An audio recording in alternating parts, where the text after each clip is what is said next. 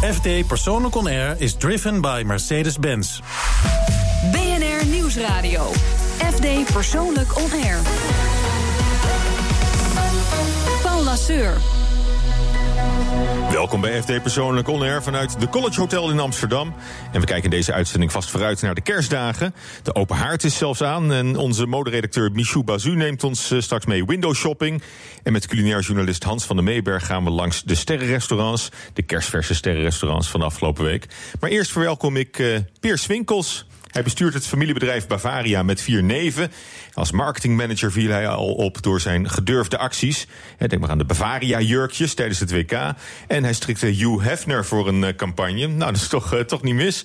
En je zou kunnen zeggen dat hij het merk eigenhandig heeft afgestoft. En nu is hij hier als Chief Commercial Officer van het Brabantse biermerk. Piers Winkels, hartelijk welkom. Ja, goedemorgen. Ja, leuk dat je er bent. Je hebt ook je dochters meegenomen, zie ik. Klopt. Uh, ja. Gezellig. Het weekend is toch uh, moment voor familie ook. Dus dan neem je ze maar mee. Ja, we gaan er meteen een dagje aan vast plakken. Ja, en dat, uh, daar hadden ze wel oren naar om naar Amsterdam te komen. Ja, dan willen ze wel mee, ja. Uit, uh, uit diep donker Brabant. Uh, ja, toch, precies. Toch een beetje Noord. Ja, het weekend begint natuurlijk eigenlijk al op, op vrijdagmiddag. En dan ben ik wel benieuwd. Een vrijdagmiddagborrel bij Bavaria. Gaan dan de bierpompen wijd open? Nou, we hebben op ons kantoor in Lieshout hebben wij een prachtige bar midden in het pand staan.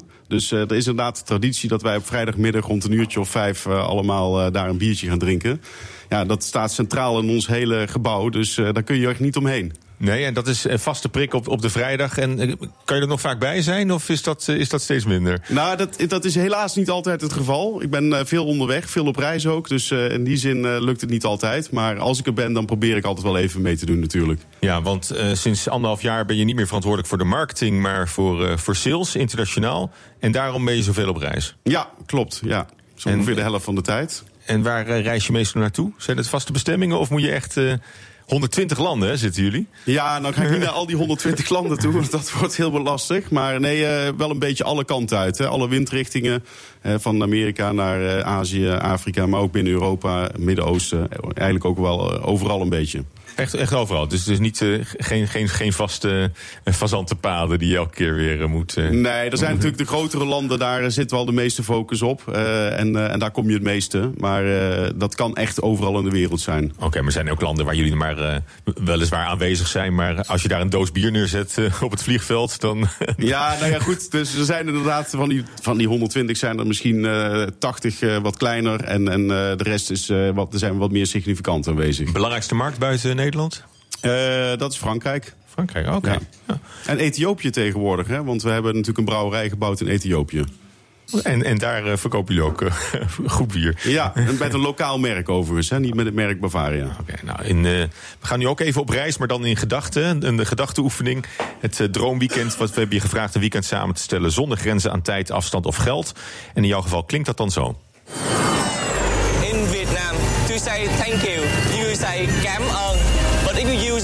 The or you tell your voice like come on, it means shut your mouth up. So be careful.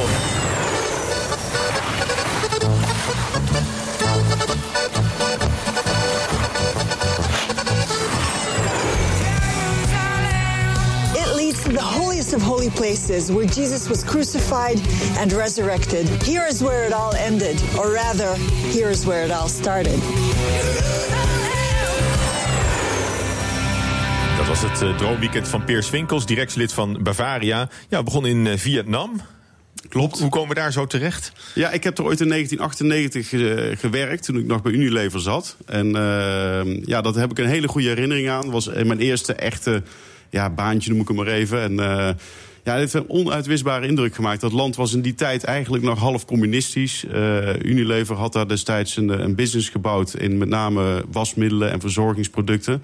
En we waren net begonnen met uh, foodproducten te introduceren. En ik kreeg een van die projecten destijds. Dat was een hele leuke tijd. Ja, hoe lang heb je daar uh, gezeten? Een halfjaartje. Ja. En daarna ben ik weer terug naar Nederland gegaan, afgestudeerd... En, en ook uiteindelijk als eerste baan bij Unilever begonnen. En hoe was het om daar te leven? Ik bedoel, je, je werkte daar voor een, voor een grote grote multinational natuurlijk. Dus ben je dan niet afgeschermd van het, van het, van het echte leven in, in Vietnam? Integendeel, moet ik zeggen. Ik denk dat ik veel meer van dat land heb gezien dan dat ik er gewoon als toerist zou zijn geweest. Uh, omdat ja, je komt echt in de haarvaten van de maatschappij. Ik moest ook echt uh, onderzoek doen van hoe gaan we dit product naar de markt brengen. Dus dan moet je ook echt letterlijk uh, alles weten. Oh, en in Vietnam zijn er misschien ja. wel winkeltjes aan, aan de straatkant en niet, niet eens zozeer supermarkten? Of, Nou ja, ik woonde zelfs letterlijk in Ho Chi Minh stad in, in een halve Dus ja, dan krijg je het echte leven van Vietnam wel mee. Maar ook vooral de Vietnamezen, ongelooflijk aardige, vriendelijke mensen. Ik heb er heel leuk mee samengewerkt. En uh, ja, daarom een hele leuke herinnering. Ja, maar goed, van uh, Vietnam gaan we daarna skiën in uh, Tirol. Dat is al wel een beetje een, een contrast ineens, hè? Ja, Als we de vrolijke ja. flikvlak horen. Ja, dat, dat, is waar. Ik vond het ook wel mooi net in het intro.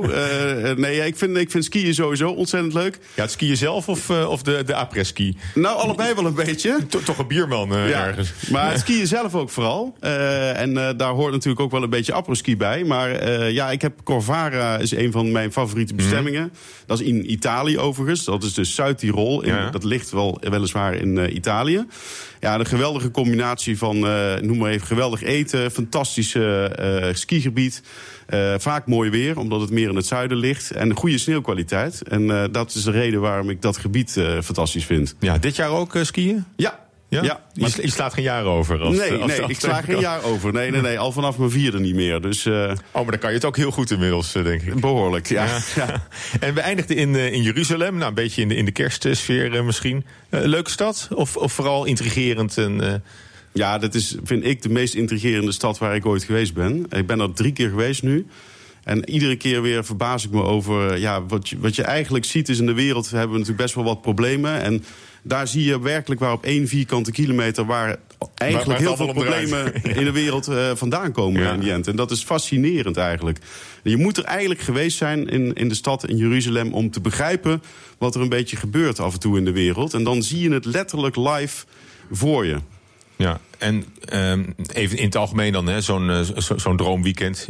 Is dat, is dat ook een droom of kom je er daadwerkelijk nog wel eens aan toe om, uh, om voor, je, voor je plezier op reis te gaan? Nou, uh, dat is wel, het, het worden steeds meer dromen op dit moment. Nee, ik ben wel veel op reis, maar dat betekent eigenlijk gewoon een vliegtuig uit, vervolgens afspraken in en vervolgens weer een vliegtuig in. Dus het is niet heel veel zien van het land. maar goed, als ik dan op vakantie ga, dan probeer ik natuurlijk dat wel te doen. Ja, nou, je, je was aanvankelijk uh, marketeer natuurlijk hè, ja. bij, uh, bij bedrijven. Ook, ook opgeleid bij, uh, bij Unilever natuurlijk. Hè. Als je ergens het vak moet leren, dan is het wel bij Unilever, denk ik. maar nu als, als Chief Commercial Officer, was, was je wel toe aan wat nieuws?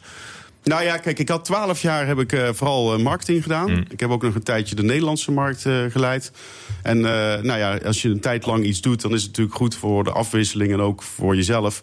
Maar ook voor het bedrijf denk ik dat je weer eens wat anders gaat doen. Dus en ja, ik heb nu. Ja, dat helemaal... hoor je altijd. Hè? Het is goed om wat anders te gaan doen. Maar moet je niet juist de mensen die het heel goed kunnen op die plek laten zitten? Nou, nee, dat, ik, er zijn altijd mensen die andere mensen die het ook goed kunnen. Hè? Dus je moet jezelf nooit te overschatten daarin. en en het is ook goed voor jezelf, voor de verfrissing, om ja, jezelf wat verder te ontwikkelen. Dus nee, het kwam op een mooi moment. En nou, mijn kinderen die zijn ietsje ouder nu, dus dat, dan, en dan is het reizen ook wat minder een probleem. Ja, en wat, wat, wat zie je als jouw belangrijkste uh, taak, jouw belangrijkste rol binnen, binnen het bedrijf, binnen het bestuur? Even afgezien van de, van de formele functie omschrijven. Nou, de belangrijkste rol is dat wij internationaal natuurlijk verder aan het groeien zijn op dit moment als uh, bedrijf. Wij halen altijd zo'n van alle merken die wij verkopen, we halen we ongeveer driekwart uit het buitenland. Dus uh, dat is natuurlijk een heel belangrijk onderdeel geworden. Ja, wij kijken in heel de wereld van hoe kunnen we die extra groei creëren door vooral wat wij noemen de route market. Oftewel mm. de beste entry, de beste mogelijkheid om een markt binnen te komen, te onderzoeken. En dat is wel een beetje een hoofdtaak waar ik mee bezig ben. Om te kijken hoe we in de wereld weer ja, de nieuwe stappen kunnen maken om groei te creëren. Ja, en, wat is een manier om een markt binnen te treden? Via nou, welke kanalen? Of je dat via ja, de horeca hebt, doet of via supermarkten? Of, ja, je hebt de verschillende kanalen ja. natuurlijk, die in het land zelf. Om de consument te bereiken moet je de verschillende kanalen natuurlijk heel goed uh, bewerken. Maar daarvoor zit ook een distributiekeuze. Hè? Hoe ga je distribueren in het land? Doe je dat via een distributeur, via een eigen kantoor? Dat soort uh, keuzes. Maar ook waar haal je de producten vandaan. En die hele uh, route Keten, naar de consument toe. Hè, dat is eigenlijk waar Ja. ik vooral mee bezig ben om dat te optimaliseren. En ja, daarmee kun je het meeste groei eh, creëren. Dus ja, dan moet je denken aan bijvoorbeeld eh, export. We hebben export eh, vanuit Nederland. We hebben ook eh, lokale productie hè, waar we mee werken. Ja, Ethiopië bijvoorbeeld. En, en- Bijvoorbeeld, maar daar is dan on- onder een ander merk. Het is niet een lokaal merk. Dat is, dat is een Ethiopisch merk waar we eh, de brouwerij daar eh, mee eh, gebouwd hebben. En Habesha heet dat merk. Ja. En dat is ons merk, maar het is, het is een lokale brouwerij. En het merk Bavaria, in hoeveel landen wordt dat verkocht? Ja, dat wordt ongeveer in 120 landen wel verkocht. Oh, toch wel. Ja. Dus het, het, het eigen merk, het, Ja. het, huismerk wordt, wordt Maar ja, Bavaria is natuurlijk een grote. de naam Bavaria is ook een groot merk. Maar tegelijkertijd is het een bedrijfsnaam. En we, onder de bedrijfsnaam hebben we nu. Eh, twaalf aanmerken. En, eh, en dus dat zijn na, zeker na de overname van Palm eh, uit Ja. België. En Palm hebben we ook, met de overname van Palm hebben we ook zeven biermerken overgenomen. En twee brouwerijen in België. Oké, en, en België, Belgisch bier is cultureel erfgoed tegenwoordig. Dus Klopt. dat, ja, dat was wel. Dat, dat- laat ik zo zeggen, wij zeiden intern al, dat was visie van ons. Hè? Dat, dat het ineens werelderfgoed werd. Ja. En dan de, de nieuwe slogan, hè? Welcome to the family. Dat is, eh, daar staat eh, Bavaria voor. Ehm, nou ja, wereldwijd eh, verantwoordelijk voor, voor de sales. Lijkt me dat wel handig. Maar wa- wat, wat, wat betekent die nieuwe slogan? Wat, wat gaat daarachter schuil? Nou, eigenlijk gaat het volgende achter schuil. Bier en met name pilsnerbieren he- hebben natuurlijk als functie in onze samenleving als, als verbroedering. eh, iets wat echt bij het product hoort.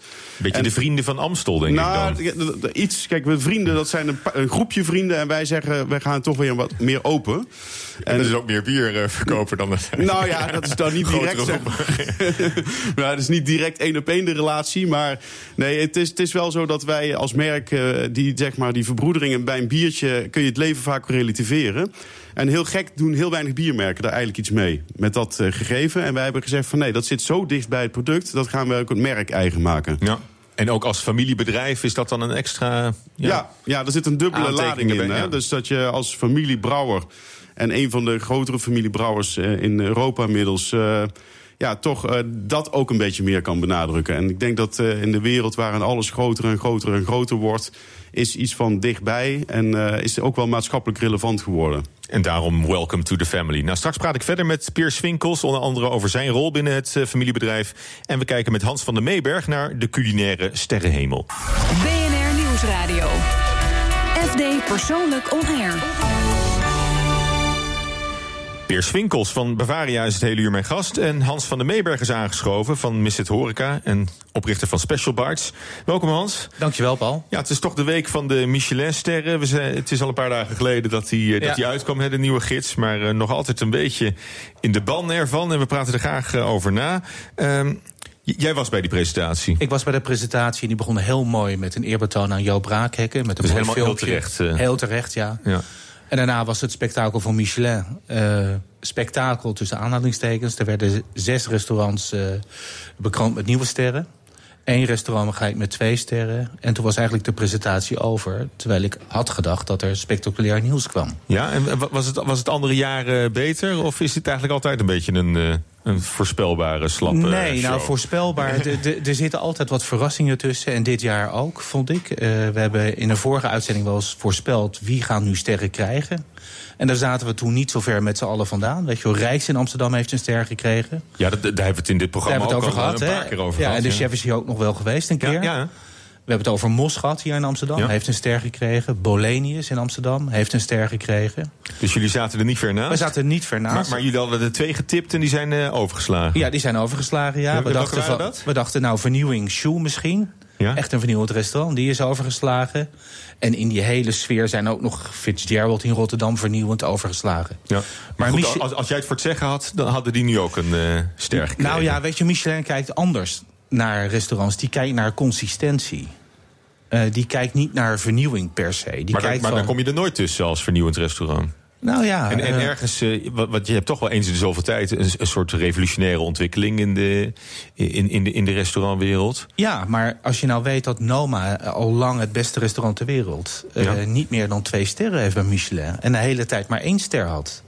dan zie je ook een beetje wat, welke koers Michelin vaart. Ja, dus je moet wel een track record hebben om het, uh, nou ja, om het, te verdienen bij het, Michelin. Het is wat je zegt. Als je kijkt naar de chefs die nu een ster krijgen, zijn het chefs die allemaal uit sterrenkeukens komen. Dus die Ja. Michelin eigenlijk al kent. Vanuit een vorige betrekking. Ja. Dat zijn de nieuwe sterrenchefs. Oh, maar dan moet je het ook wel snel eh, maken als eh, chef. Ja. Want je houdt het leven ook niet lang vol waarschijnlijk. Nee, als je- chef is een zwaar beroep, ja. Het is, het is net, Chef is een zwaar voetballers. Ja. Je, Maar- moet, je moet het in korte tijd eh, moet je het helemaal... Dat is waar, eh, ja. En dan weet je ook dat in sterrenkeukens niet zoveel wordt verdiend. Ja. Eigenlijk. Piers Winkels, eh, eet jij vaak in sterrenrestaurants? Of graag? Nou, ik reed veel in eh, restaurants. eh, en als je er heel veel restaurants eet, dan ben je wel eens blij dat je een keer thuis eet. Ja. Eh, maar ik toevallig, ik ben helemaal verbaasd dat Noma, ik heb daar toevallig gegeten een keer. eh, ook een geweldig restaurant Ja. in Kopenhagen. En ik ben helemaal verbaasd dat die eh, nog geen eens drie sterren hebben. Ja, die hebben ze heel lang overgeslagen. Want Ja. Die heeft altijd één ster gehad, toen naar twee hoe, hoe sterren. kan je het beste restaurant van de wereld zijn... en toch maar twee sterren hebben? Ja, maar weet je, Paul... Omdat Michelin niet uitmaakt wie het beste Ja, restaurant maar van de wat is nou het beste restaurant ter wereld? Is dat wat de gast vindt? Of is dat dat andere lijstje wat eh, chefs kiezen onder elkaar? Dat is het NOMA-lijstje. Chefs stemmen en culinair journalisten stemmen op wat het beste is. Ja, als je daar gegeten hebt, hè, dan, dan weet je hoe ongekend vernieuwend Ja, eh, zo'n chef bezig helemaal is. mee eens. en als Helemaal dat niet beloond wordt, dan, dan vraag je inderdaad af van hoe, hoe is dat mogelijk? Ja. Hey, maar Ja. Hans, als ik jou zo hoor, een kleine week na het uitreiken van de, van de Michelin-sterren... ben je toch een beetje, een beetje teleurgesteld. Ik vind je een beetje vlak. Ik vind het een beetje vlak. Ik had veel meer verwacht van Michelin. En eigenlijk kwam het grote nieuws pas toen we de zaal uitliepen. Ze deden voorkomen op het podium alsof er niets veranderd was. We liepen de zaal uit, we keken, kregen de gids, we keken in de gids en het persbericht en we zagen Larive is een ster kwijt. Larive, Dat was eigenlijk het, het, het grote, het grote nieuws van, nieuws, van ja. deze, Larive deze- verliest de ster na 23 jaar. Het restaurant van het Amstel Hotel. Yep, ja. En terwijl je daarvan zou denken, dat is het toonbeeld van alles wat Michelin wil. Beetje oudbollig, beetje klassiek. Een wijnkaart, eh, niet op één A4'tje, maar in een enorm boek. Weet je wel, Wat, wat doet dat met, eh, met het team van zo'n restaurant, denk je? ik denk dat het team diep bedroefd is. Ik denk dat het dramatisch is voor eh, de keukenbezetting. En voor het hotel ook. Ja, denk je ook dat heel veel gasten nu... eh, Ik, ik denk dat gasten komen met name voor de ster van het restaurant. Hm. En dat gasten nu gaan uitwijken, die slapen dan bij het Amstel. Maar die gaan waarschijnlijk eten in het Conservatoriumhotel... of bij Bordeaux in, eh, in, in Excelsior. ja, en, waar, hoe hebben ze hem verspeeld? Nou ja, Michelin geeft daar nooit een toelichting op. Het enige wat Michelin zegt, we hebben een aantal jaar gezien dat het minder ging in de keuken. We zagen geen vernieuwing. Dat is het enige wat ze de toelichting die ze gaven. En last minute hebben we Nou nu... is het weer te weinig vernieuwing. Ja, nu hebben we besloten. Ja, maar je kunt je ook afvragen wat ze met vernieuwing noemen. Ja. Ja. Last minute hebben ze besloten de ster af te nemen. Ja. En, en toen bleek ook nog eens, als je naar de tekst kijkt in de gids... Ja. Dat het nog steeds hetzelfde tekstje was... inclusief de taalfout die er vorig jaar nog in Ja, die stond. taalfout, Paul, is slordig, maar dezelfde tekst. Kijk naar de andere gidsen. Kijk naar Lekker, naar Gomio. Daar zie je ook heel vaak dezelfde teksten twee, drie jaar in de gids staan. Hmm. En het is logisch, want de tekst beschrijft de sfeer in het restaurant. En als je je restaurant niet update in sfeer, blijft de tekst hetzelfde. Zou je het niet hoeven wijzigen. Ja, dus, eh, dus eigenlijk ook een storm in een glas water. Ik dat, denk eh, het wel, ja. Dat Ja, relletje. ik denk het wel. Ja. Dus we, daar moeten we gewoon eh, rekening mee houden. Maar eh, goed, eh, dus het verlies van een ster eh, is eigenlijk het, het grootste nieuws bij, eh Ja. bij Amstel Hotel. Dan, eh, Ja, het verlie- het verlies van de ster en een nieuwe chef die gelijk twee sterren krijgt, terwijl hij maar drie maanden open was. En in zijn toelichting zei: op de tweede dag kwam Michelin langs en toen wist ik niet eens waar mijn pannen stonden. Bij wijze van spreken. Ja. Maar het is wel een chef die uit een twee Michelin-sterren restaurant komt. ja. Dus daar hebben ze weer gekeken naar afkomst. Ja. Nou goed, eh eh, Piers Winkels, jij, jij reist de hele wereld over. Je, je- moet denk ik ook eh, beroeps, eh, beroepshalve vaak, eh, vaak uit eten. Hè, met, eh, met, met, met relaties ook, Ja. denk ik. Ehm, als je dan al vergelijkt, hè, wereldwijd. Hoe doet Nederland het? Kan je een beetje, kan je een beetje aankomen met Nederlandse restaurants bij eh, internationale relaties? Want ik neem aan dat ze ook wel eens naar jou toe komen. Nou, ik vind dat Nederlandse restaurants enorm eh, gegroeid zijn. Eh, als je kijkt naar culinair, hè, op culinair vlak. Als je de tijd gewoon twintig jaar terugdraait... Hè, Ja. dan is echt Nederland heeft een enorme stap gemaakt, vind Ja. ik, op culinair vlak. Er zitten wel best grote verschillen, vind ik, tussen de Nederlandse steden en gemeentes. Ja. Hè, de ene gemeente heeft echt eh, een duidelijker profiel als het gaat om de horeca. Op, op dat niveau noem ik hem maar even dan de andere stad. Ehm, Ja, ze zitten allemaal in, in de regio's, hè, in de provincie. Ja, de echte- Zeeland heeft een enorme sterrendichtheid. eh, ja de, ster- de, sterren zit, de, de echte grote sterren zitten in de provincie. Ja. Klopt. Ja. Ja, en Ja. Dat, dat is dus, maar in het buitenland, hè, in de grote steden, zie je natuurlijk toch ook wel dat. Ja, de, de- daar zie je vaak juist in de steden de hele goede restaurants eh, zitten. En eh, nou ja, goed, in Nederland, eh, nogmaals, eh, ik weet nog heel goed toen ik wat jonger, jonger was, dat het toch in Nederland wat redelijk belabberd was, hè, Ja. eh, het niveau. En daar kunnen we Helemaal we doen niet meer onder voor heel veel andere landen of steden in de wereld. Ja, mee eens. En je ziet de vernieuwing zie, zie je wel in de grote steden gebeuren, maar de echte sterren zitten niet in de steden. Hm, precies in Nederland, ja. Eén punt van vernieuwing, dat is, dat is voor jou misschien leuk, eh, Peer... is dat er eh, ook wel meer bier wordt gedronken bij het eten. Ja. Klopt. Ja, absoluut waar. Ja, je ziet het tegenwoordig, hè, bier en spijs. Hele eh, opkomst aan, het- eh, aan het worden. Heeft ook te maken met het feit natuurlijk met de opkomst van de microbrouwerijen. Eh, hè, de speciale biertjes die heel goed matchen met bepaalde gerechten. Een heel mooi voorbeeld is dat eh, toen wij Palm overnamen... eh, de, de andere brouwerij die wij overnamen is Rodenbach eh, in, in West-Vlaanderen. Mooi bier. Heel prachtig bier. ja. Maken een, een, een, een bier ook samen met de chef van een bekend restaurant Antwerpen. En ja, die doet het ook geweldig bij bijvoorbeeld visgerechten, bepaalde visgerechten. Met name bijvoorbeeld garnalen, kreeft en dat soort zaken. Eh, dus je ziet die combinatie steeds meer Oh, dat is ook wel interessant. Het is dus niet alleen eh, bier in stoofvlees. Nee. eh, wat, je- Nee. Wat, je, wat je zou denken, maar dus ook, ook bij visgerechten. En zelfs Ja. bij toetjes. Ja. Dus eh, het, is, het is echt heel interessant wat er aan het gebeuren is. En je zag onder andere Sergio Herman, hè, die als eh, een van de sterrenchefs al begon met een bier- en spijskaart. En je ziet tegenwoordig steeds meer restaurants opkomen dat je niet alleen een wijnkaart hebt, maar ook een bier- en spijskaart. Ja. Ja, en, je- en ook eh, en, beroepen. en, en de biersommelier, hè? En, Hans en heeft de, een en de biersommelier is, een op- is echt een opkomend beroep. Dat Precies. is echt een, eh, een hooggewaardeerde kracht eh, vandaag de dag in een restaurant. Ja. Wat, wat zijn nou echt restaurants waar je als bierliefhebber eh, naartoe zou moeten eigenlijk? Nou ja, ik, ik denk Libreie heeft een mooie bierkaart. En dat is echt een top eten. Ja, een bierkaart. Ja. Tien, tien bieren? Of, Ja, 10, 12 bieren, die wisselen. Hele mooie en mooie bier-spijscombinaties. Ook goede jaren, of niet? Nou ja, Of- of ik denk moet- eh, een van de trends is ook. Nou ja, er is ook een trend naar steeds oudere bieren. Die eh, net zoals wijnen bewaard worden. Ja, barrel-aged bieren. Hè? Bijvoorbeeld eh, bieren die eh, op eikenvaten rusten. Eh, bijvoorbeeld eh, dat bier, hè, wat, waar ik het net over had, de Rodenbach bier. Hè, die zit- zitten gewoon twee jaar lang in een, Ja. hele grote eiken Ja. Tonnen, hè, voeders. En dan krijg je zo'n andere beleving van Ja, bier. dat is, dat Ja. is fenomenaal gewoon. En is dat voor jullie bedrijf nou een curiositeit? Of, of is het ook echt wel een, eh, Nee, een, deel van jullie echt- strategie? Ja, het is een heel belangrijk onderdeel van onze strategie. Hè, Wij geloven erin het feit dat eh, je voor ieder moment een passend biertje wil hebben. En tegenwoordig steeds meer variëteit natuurlijk. En dat is ook de reden waarom we onder andere zeg maar, gaan investeren in dat soort bieren. En ja, ook, ook in bier-spijscombinaties. Ja. En grote flessen zie ik ook steeds meer. Ik zie een wijnkoeler en er wordt dan een grote fles bier ingezet. Klopt. Ja, ook, Met, ook met daar, een soort eh, champagneachtige ja. kurk, weet je wel. Een mooi moment aan Ja, ja, tafel ook. ja. Ja. Super. Hup. Het is heel Hup, leuk bier. om te zien. Eh, die cultuur die, die, bier. cultuur die eh, ontwikkelt Heel kort nog, Hans, we gaan afronden. Maar eh, kerst is toch het moment om eh, even te pronken met je ster, denk ik. Hè, voor, ja, eh, vind, voor- vind voor ik ook. En je ziet dat alle restaurants nu vol zitten eh, met, met kerst. Kunnen we nergens meer terecht? Nou, wil je nog ergens terecht? Er zijn er, zal ik je drie tips geven. Twee in Amsterdam, Graham's Kitchen. Die heeft last minute besloten met kerst open te gaan. Hm. Kun je nog terecht? En Gastrobar Paris van Ron Blauw, die heeft geen kerstmenu... maar kun je gewoon prima à la carte eten. En zit je in Rotterdam, ga naar 13. En het is een rip uit je lijf natuurlijk, hè, een kerstdiner. 60, 80, 100, 120, 140 euro. Daar moet je dan wel, van wat eh, je kiest. Daar moet je dan wel rekenen Zonder wijn of bier, Paul. Nou, vrolijk kerstfeest. eh, ook voor jou, eh, Hans van der Meeberg. eh, Dank je wel. En ehm, we gaan een liedje draaien. We hebben Peers Winkels gevraagd wat hij wilde horen. En dan krijgen we Guus Meeuwis met het onofficiële Brabantse volkslied.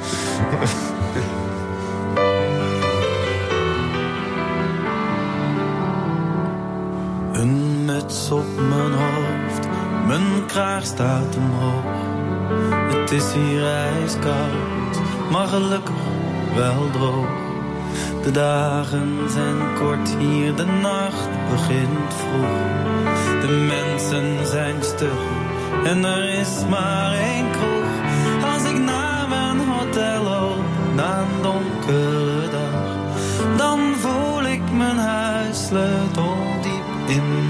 En ik loop hier alleen in een te stille stad. Ik heb eigenlijk nooit last van heimwee gehad. Maar de mensen, ze slapen, de wereld gaat dicht. En dan denk ik aan Brabant, want daar brandt nog licht.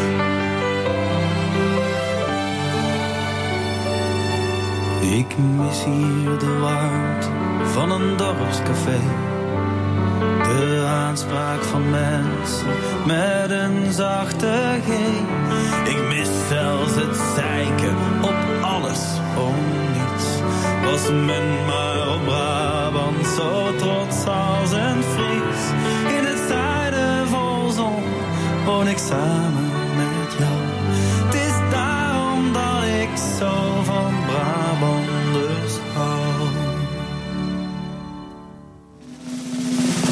Ik loop hier alleen in een tusstere stad. Ik heb eigenlijk nooit last van heimwee gehad. Maar de mensen ze slapen, de wereld gaat dicht. En dan denk ik aan Brabant, want daar brandt nog licht. Guus Meeuwis met het onofficiële Brabantse volkslied. Zometeen ben ik terug met Piers Winkels van Bavaria. En lifestyle-redacteur Michou Bazu schuift aan. Nieuwsradio. FD Persoonlijk On Air. Paul Lasseur. Elke week schuiven deskundigen aan om te vertellen wat het hart raakt en het oog streelt. Deze week Michou Bazu. Zij is ons collega van het eh, papieren magazine FD Persoonlijk. Hartelijk welkom.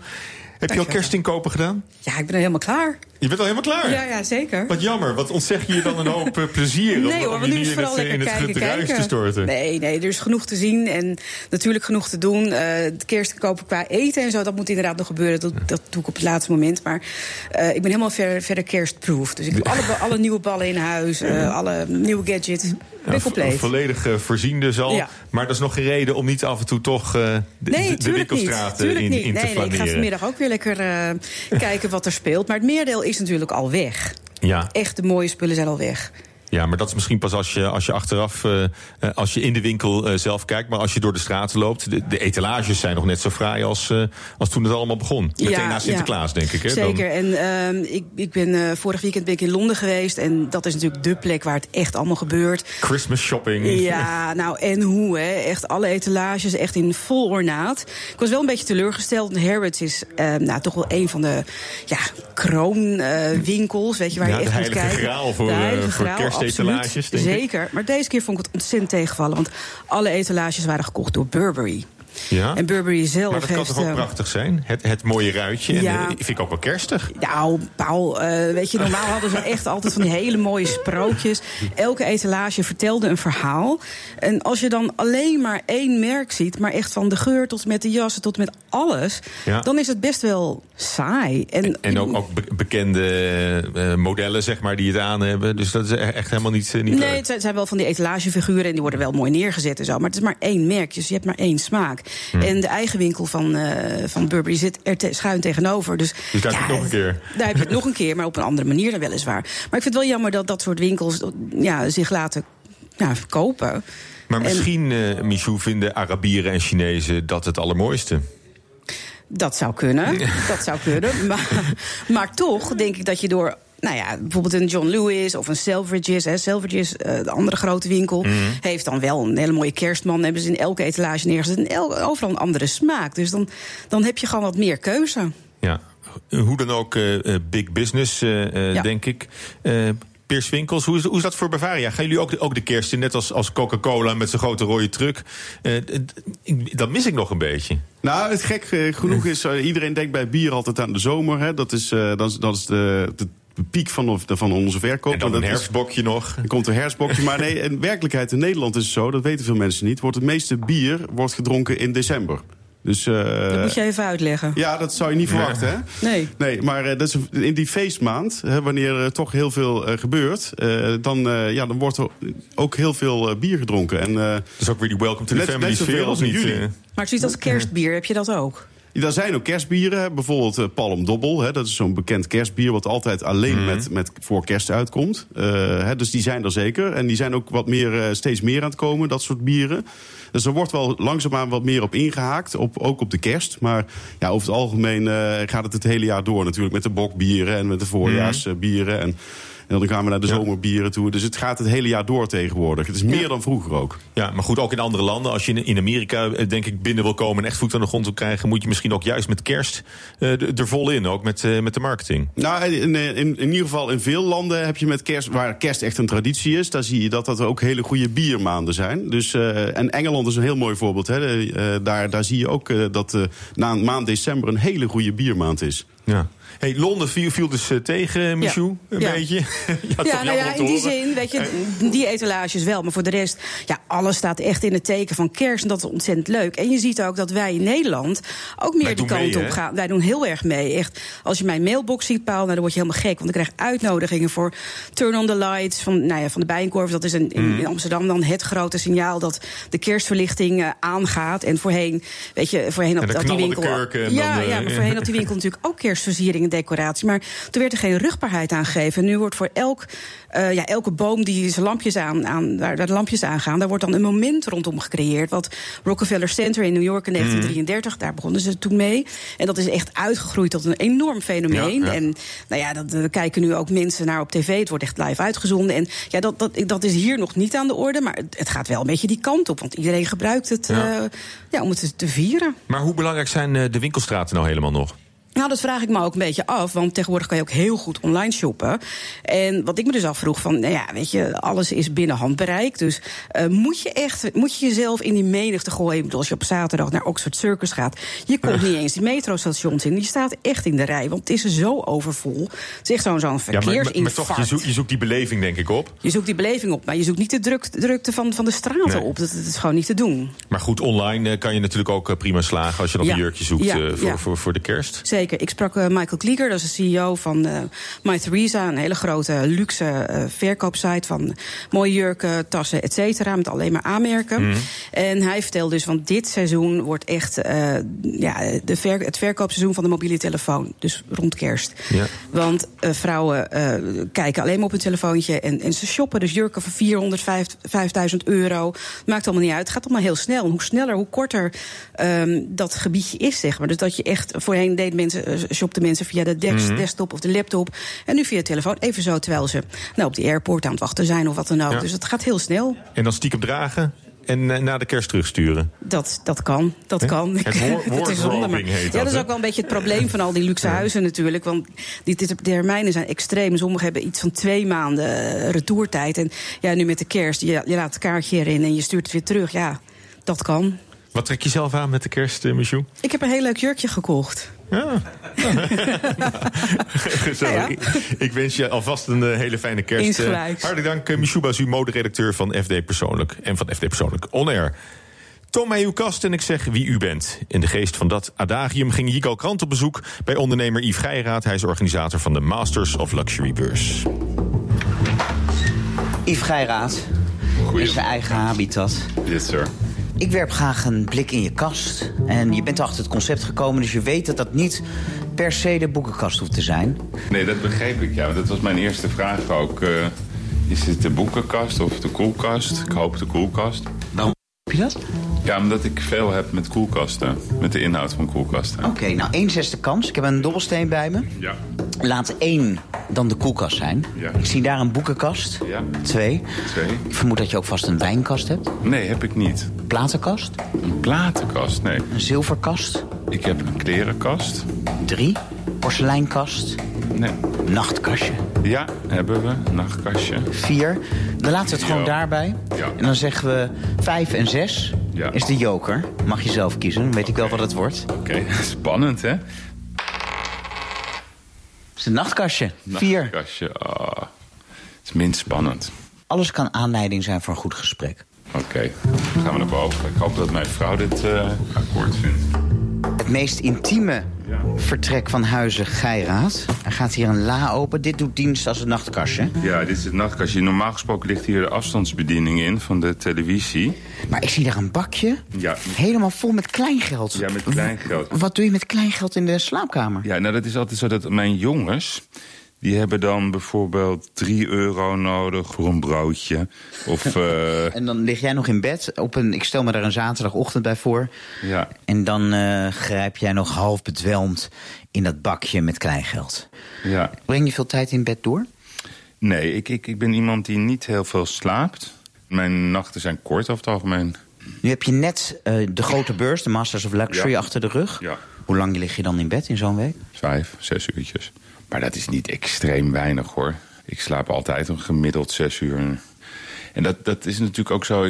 Ja, van positieve energie word je niet moe. Van hard werken word je ook niet moe. Je wordt moe van negativiteit. Maar ik vind wel eh, in het weekend. Kijk bijvoorbeeld graag naar golf. Na de beurs we hebben we net Dark Knight Rises gekeken. Ik weet niet of je die film kent van Gotham City. Vind ik zo'n geweldige film om naar te kijken. Als je echt lekker naar een film wil kijken, dan ga je niet beneden op de bank zitten. Ook. Maar ja, in bed eh, een filmpje kijken is heerlijk. En wat ook eh, deze ruimte is, is, is een ritueel. Zo kwart over zes komt de krant. Nou, dat horen we dan ook. Plof. Ga ik lekker de Telegraaf eh, in bed altijd lezen. En dan maak ik altijd eerst twee kopjes koffie met warme melk. Zie je? Dus het kopje. Daar staan ze nog van vanochtend. Ja, die staan er inderdaad nog van vanochtend. Maar dan moet je wel je bed uit om Ja. die kopjes koffie te maken. Ja, dat is een goeie. Dus vroeger deden we steen, papier, schaar. Dat doe je zo, dus met vuist tegen vuist. En is het steen, papier, schaar. Nou, de schaar wint altijd van de vlakke hand, want dat is het papier. En de vuist wint van de schaar. Want daarmee kan je de schaar kapot maken. En schaar tegen schaar is een gelijkspel. En vanochtend, wie was de barista? Jij of je vrouw? Nou, dus op een gegeven moment eh, heb ik er me bij neergelegd dat ik het doe. In het weekend willen we nog wel eens een steen, papier, schaar doen. Maar uiteindelijk doe ik het nu altijd.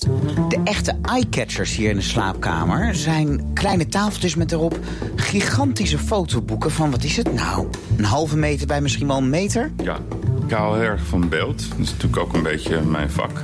Zowel beeld maken als beeld bekijken en beeld beoordelen. Dit is Tom Wolfe. Nou, dit is het boek van Annie Leibovitz. Ja, maar die dandy op de foto is Tom Wolfe. Ik ken hem niet, heel eerlijk gezegd. Ja, misschien wel, maar... Grote schrijver. Ja, nou, ik ken hem niet. Dus eh, zo beperkt is eh, af en toe mijn kennis. En dat is bijvoorbeeld eh, het boek van Helmut Newton. Ook echt heel erg schitterend. En ligt die dan altijd open op deze pagina? Nee, dat is nou het leuke van dit soort boeken.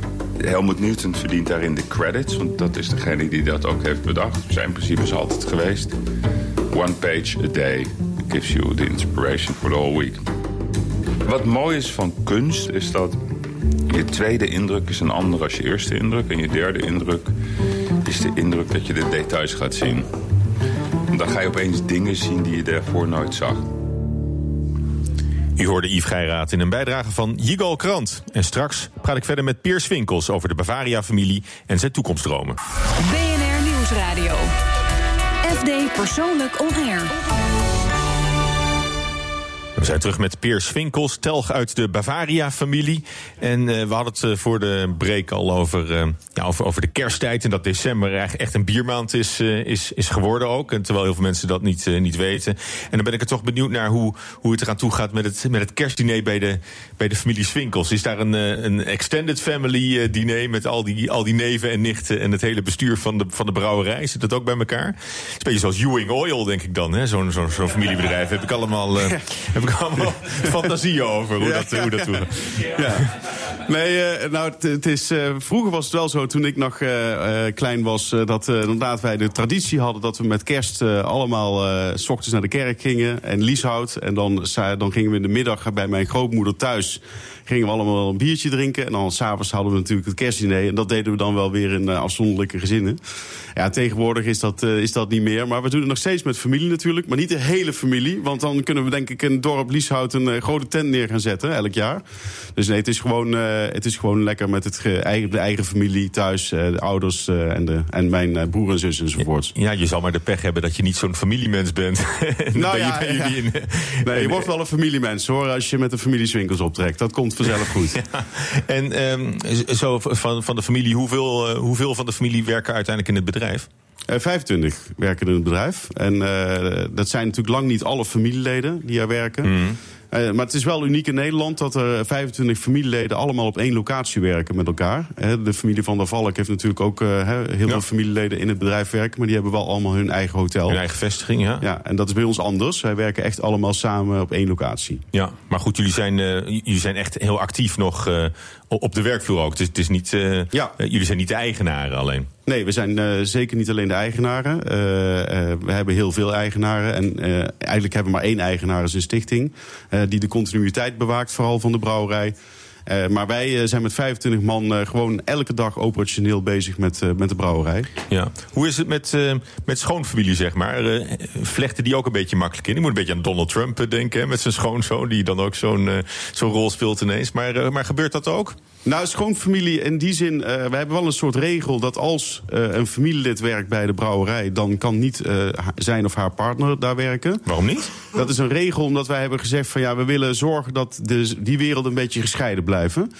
Vooral ook omdat je ziet bij familiebedrijven die vaak fout, waar het fout gaat, komt het meestal niet omdat er, omdat, omdat er het slecht geleid wordt of omdat het geen goede producten zijn, maar vaak omdat er toch een beetje ruzie kan ontstaan dan tussen familieleden. En dat wil je ten alle tijden voorkomen.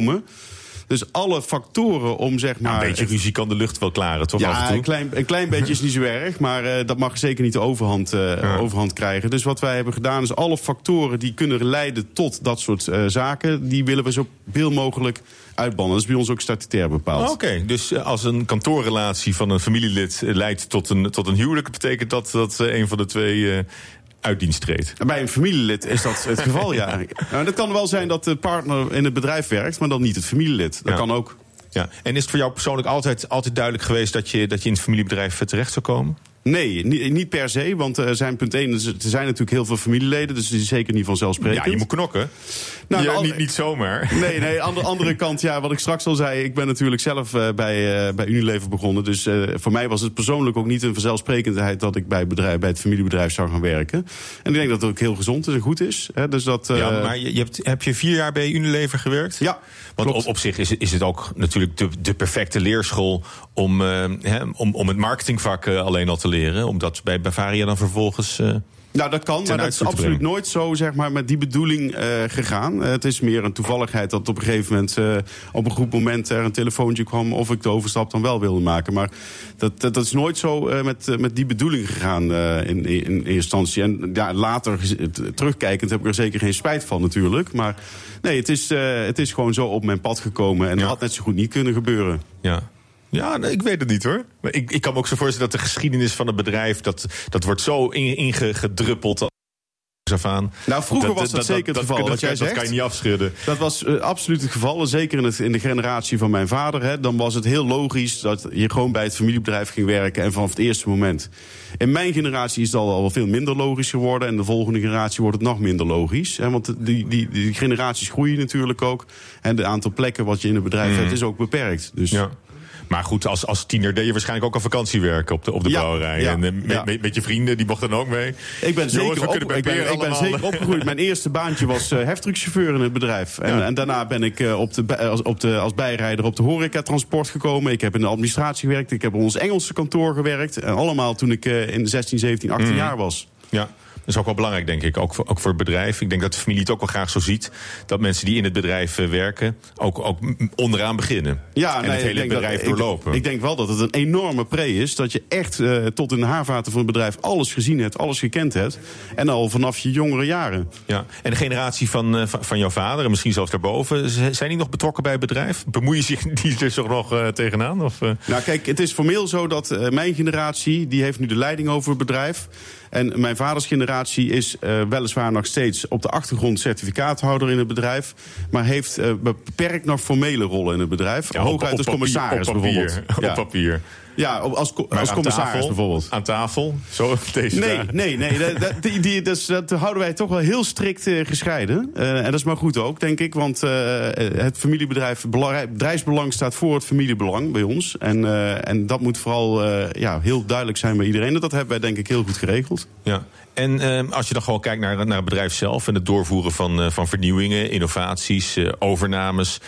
hoe, hoe komt dat tot stand binnen, binnen de familie? Nou ja, goed, als je, als je een overname doet zoals we dit jaar gedaan hebben, dan natuurlijk, hè, dan, eh, dan moet ook de familie formele goedkeuring geven. Maar dat hebben we ook goed georganiseerd, hè, doordat wij een stichting hebben waar de aandelen in zitten. En eh, de stichtingsbestuur eh, die wordt natuurlijk heel nauw betrokken bij zo'n beslissing. Dus ja, dat, daar is de familie wel degelijk bij, maar wel goed georganiseerd. Ja. Ja. En je hebt, eh, je hebt je dochters meegebracht eh, vandaag. Is dat ook een soort, eh, een soort stage? Van, Ja, nou ja, dit hoort er ook bij, meiden. Als je, Ja. als je straks directeur bent bij, bij de fabriek, dan... De brouwerij, zeggen De we altijd. brouwerij, hè? Ja, wij kennen geen fabrieken. Nee, eh, eh, nee, dat hoort er zeker ook een beetje bij. En ik werd op jonge leeftijd werd ik altijd door mijn vader meegenomen. Mijn vader heeft de export neergezet bij het bedrijf, ooit vanaf begin jaren 70. En ik werd dus als eh, jongen van, van een jaar of eh, 10, 11, 12... werd ik al meegenomen op, eh, op, zijn, op reizen naar het buitenland. Naar onze vestigingen in het buitenland. En eh, ja, dan vind ik het ook leuk om mijn kinderen een beetje te laten zien. Hoe, hoe vond je dat als jochie? Ja, ik vond, het, ik vond het geweldig. Ik vond het sowieso geweldig om met mijn vader op stappen te gaan. Los van het feit dat je ook ziet waar hij dan mee bezig is allemaal. En ook in de verschillende landen, de verschillende culturen te komen. Dat heb je dan van jongs af aan met de paplepel wel ingegoten gekregen. En ja, ik, eh, ik heb daar hele goede herinneringen aan, eh, aan, aan die trips. En ik heb er ook veel van geleerd, moet ik eerlijk zeggen, toen al. En dat, Ja. eh, dat breng je ook mee naar nu toe. En ik, als ik nu, ik was laatst op ons Italiaanse kantoor. Daar werken mensen die mij nog kennen toen ik daar als 12-jarige o- over, over de vloer kwam. Die vinden dat fantastisch. Ja. Ja, dat is natuurlijk ook hartstikke mooi. En, maar je vertelde ook al, jullie zijn nu met, eh, met heel veel neven, hè, de familie is veel groter geworden. Hoe zorg je dan toch dat, je, eh, dat jij die, die eh, concurrentieslag wint om toch een, een mooie plek binnen het bedrijf te veroveren? Ja, hoe je ervoor zorgt om dat voor elkaar te krijgen. Kijk, uiteindelijk gaat het er gewoon om dat je natuurlijk... Je bent een familiebrouwerij, maar het gaat uiteindelijk om het feit... dat je het bedrijf natuurlijk zo goed mogelijk leidt... en vooral competitief houdt. En, eh, en ja, ik denk dat we daar aardig in slagen. Eh, maar dat hangt ook af van eh, hoe, hoe sterk is je portfolio, hoe sterk zijn je merken. En vooral de productkwaliteit is bij ons absoluut nummer één belang. Bij ons staat alles in het teken van productkwaliteit. Ja, het is toch weer de marketingman die we nu even horen. Maar hoe zou je in de toekomst nog in het bedrijf willen, wi- wi- willen groeien zelf? Is dit niet een eindstation voor je? Ik kan me voorstellen dat je nog, nog wel meer eh, een jonge vent. Als het, als het bedrijf groeit, dan groei je zelf ook mee. Dus simpel is, eh, Ah. zo simpel is dat eigenlijk. En eh, jezelf, jezelf, je, kunt het, je kunt het voor een deel zelf creëren. en daarmee groei je zelf ook weer verder. Dus daar maak ik me niet zoveel zorgen over.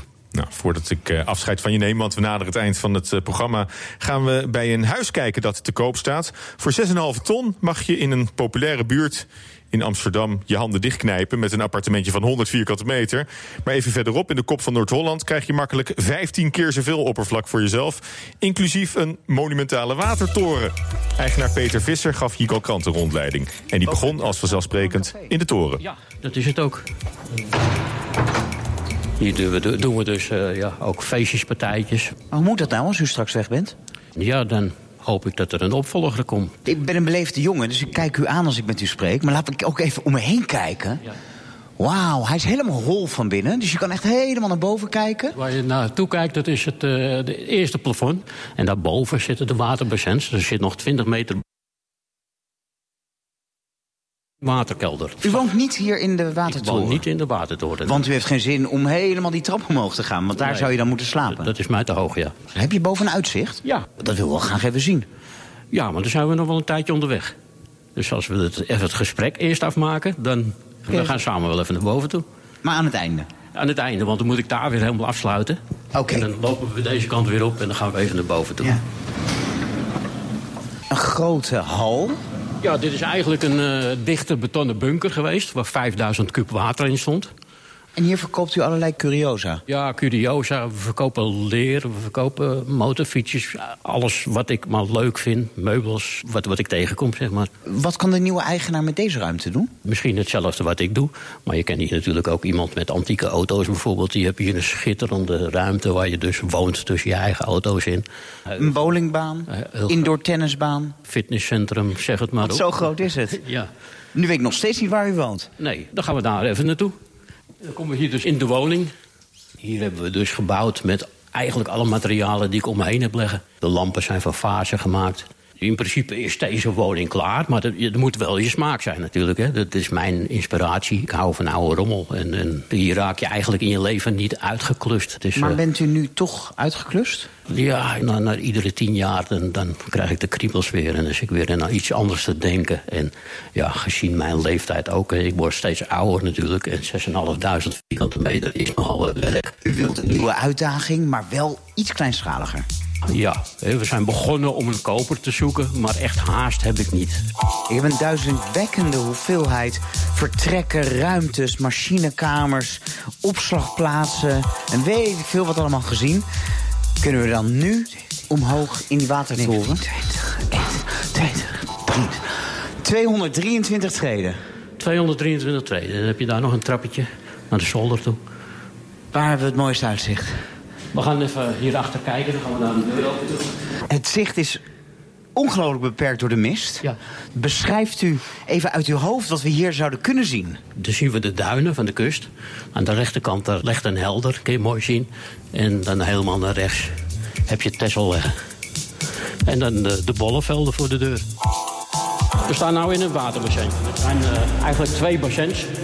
Een buiten- en een binnenring. En eh, bij elkaar stond er duizend kub water in. Zo. En hier doet u helemaal niks? Hier doen we verder niks, nee. Er zit eh, ja, apparatuur van telefoonproviders in. Dat levert dan nog wat geld op, zeg maar. Wat zou je hier nou kunnen maken, zeg? Ja, iets wat met akoestiek te maken heeft natuurlijk. Ja, maar als je hier met je bandje gaat spelen, dat... eh, Het publiek, dat is moeilijk omhoog te krijgen natuurlijk. And I will